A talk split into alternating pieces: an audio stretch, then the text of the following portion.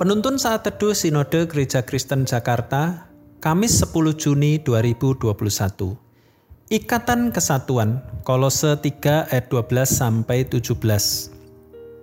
Karena itu sebagai orang-orang pilihan Allah yang dikuduskan dan dikasihinya, kenakanlah belas kasihan, kemurahan, kerendahan hati, kelemah lembutan, dan kesabaran – Sabarlah kamu seorang terhadap yang lain, dan ampunilah seorang akan yang lain apabila yang seorang menaruh dendam terhadap yang lain.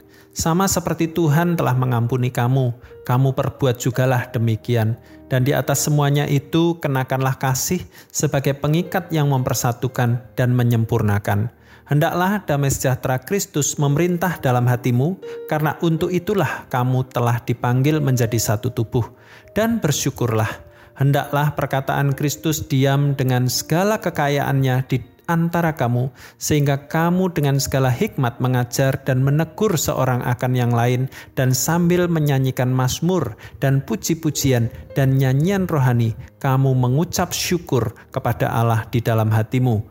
Dan segala sesuatu yang kamu lakukan dengan perkataan atau perbuatan, lakukanlah semuanya itu dalam nama Tuhan Yesus sambil mengucap syukur oleh Dia kepada Allah Bapa kita.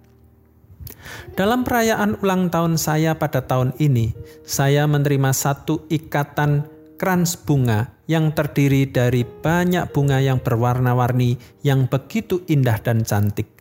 Krans bunga itu mengingatkan saya tentang gambaran kesatuan dalam tubuh Kristus yang terdiri dari banyak perbedaan, setiap keragaman itu membawa kekayaan dan keindahan di dalam tubuh Kristus.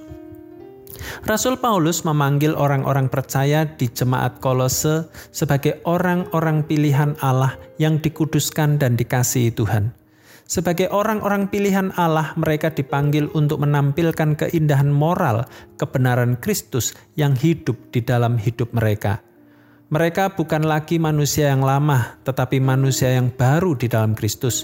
Sebagai manusia yang baru, orang-orang percaya yang telah dikasihi dan diampuni sejatinya memiliki kasih yang mempersatukan. Ada enam aspek kasih yang dipaparkan oleh Rasul Paulus dalam ayat-ayat ini. Pertama, mengenakan rasa belas kasihan. Artinya mempunyai perasaan yang hangat dan simpati yang lembut kepada saudara seiman. Kedua, murah hati.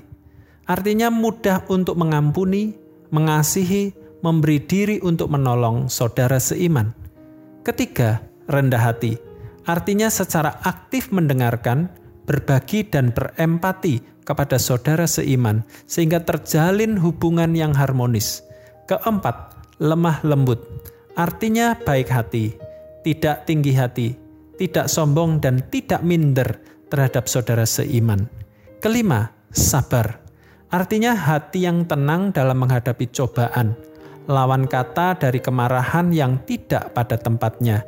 Ada kemampuan untuk menahan diri dalam menghadapi situasi-situasi sulit, termasuk dalam komunitas jemaat. Keenam, mampu mengampuni artinya menyaksikan hidup yang sudah diampuni oleh Kristus, sehingga mudah untuk mengampuni orang lain, termasuk saudara seiman. Keenam aspek tersebut akan menolong dalam menjaga ikatan kesatuan anggota tubuh Kristus di tengah-tengah jemaat.